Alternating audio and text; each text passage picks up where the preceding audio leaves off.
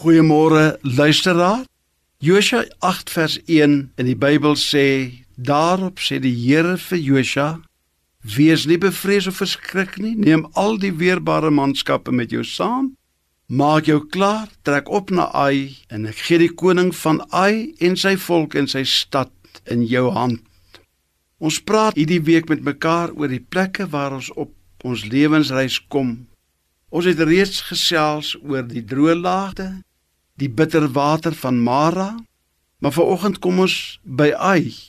Die woord Ai beteken ashoop. Baie mense bevind hulle vanoggend op die geestelike ashoope van die lewe. Om by Ai te kom is om op 'n moeilike plek te kom. Ek sê dikwels dat die plesierplekke van die wêreld wat so vriendelik wink met allerlei mooi liggies niks anders as gedekoreerde ashoope of gekamoufleerde varkhokke is nie.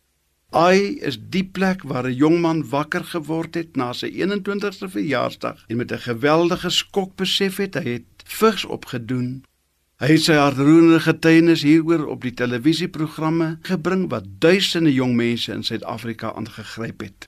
Al begeerte wat hy oorgehou het vir die res van sy jong lewe was om die jong mense te waarsku om weg te bly van Ai, die plek waar die duiwel in die sonde 'n mens weggooi as hy met jou klaar is.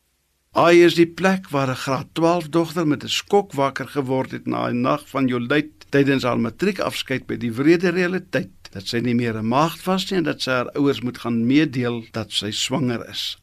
Ai is ook die plek waar iemand in die hof moet verduidelik wat hom daartoe gedryf het om duisende rande se bedrog te pleeg en nou afwagtend te wees vir jarelange gevangenisstraf as gevolg daarvan.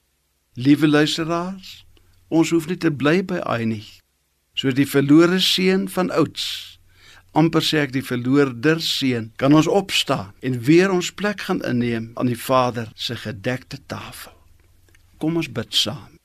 Dankie hemelse Vader dat u ons wegvat by ai en ons 'n plek aan die gedekte tafel van die Vader deur u liefde wil gee.